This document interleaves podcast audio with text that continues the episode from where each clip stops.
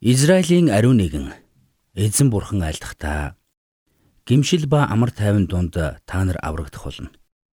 Үнэн ч итгэл ба чимээгүй байх нь та нарын хүч мөн гэлээ. Гэвч та нар хүсээгүй. Исая 30:15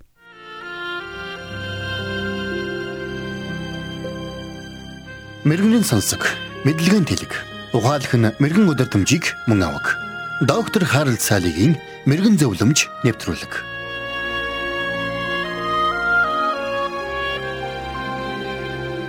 Эрлин Кагийн бичсэн номын хавцсан дээр зөвхөн номын нэр болон зохиогч нэр л бичээстэй байдаг.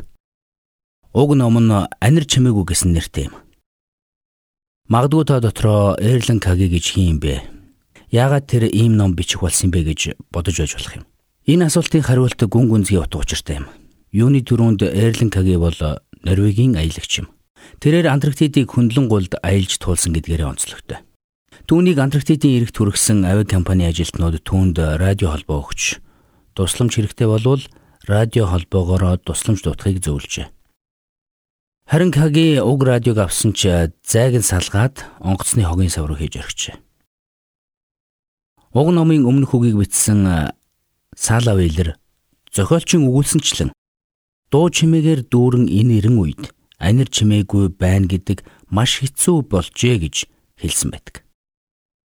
Тэгвэл ноён кагэ өөрөөсөө анир чимээгүй байдал гэж юу вэ? Анир чимээгүй байдал хаана байдгийм бэ?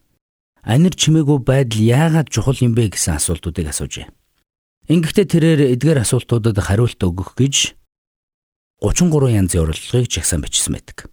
Тэрээр бүхэл бүтэн 50 хоногийн туршид цор ганцаараа аялжээ. Энэ тухайга бичихтэй би чимээгүй болох тусам илүү ихийг сонсож байлаа гэсэн байдаг. Харин хэдий чиний ихийг сонсон түүнд өөрөө өөртөөгөө эвлэрэхэд төдий чиний хэцүү болж байсан байна. 50 хоногийн туршид гар утас телевиз радио хүмүүсийн яриа тээврийн хэрэгслийн дуу чимээнээс ангид амьдрсны эцэст тэрээр нэг чухал зүйлийг ойлгожээ. Анир чимээгүй байдал гэдэг нь огт чимээгүй байхын нэр биш. Харин бидэнд саад болох чимээнээс ангид байхын нэр гэж бодсон байна.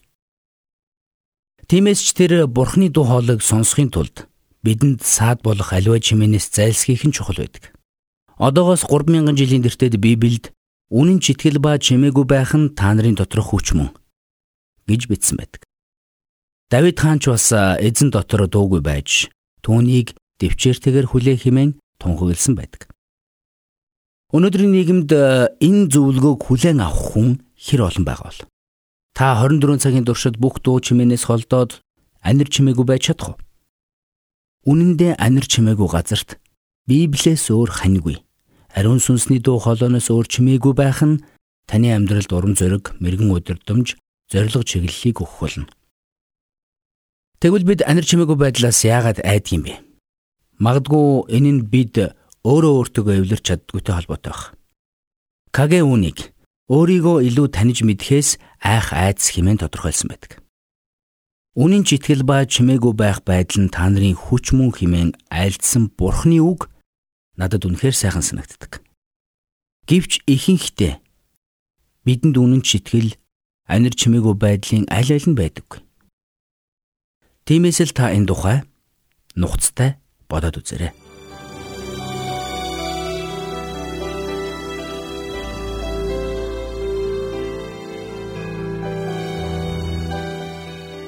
Мэргэн нэгнийг дагвал мэргэн, мулгуутай нөхөрлөвл хорлол. Доктор Харалт цаалогийн мэрэгэн зөвлөмж нэвтрүүлгийг танд хүргэлээ.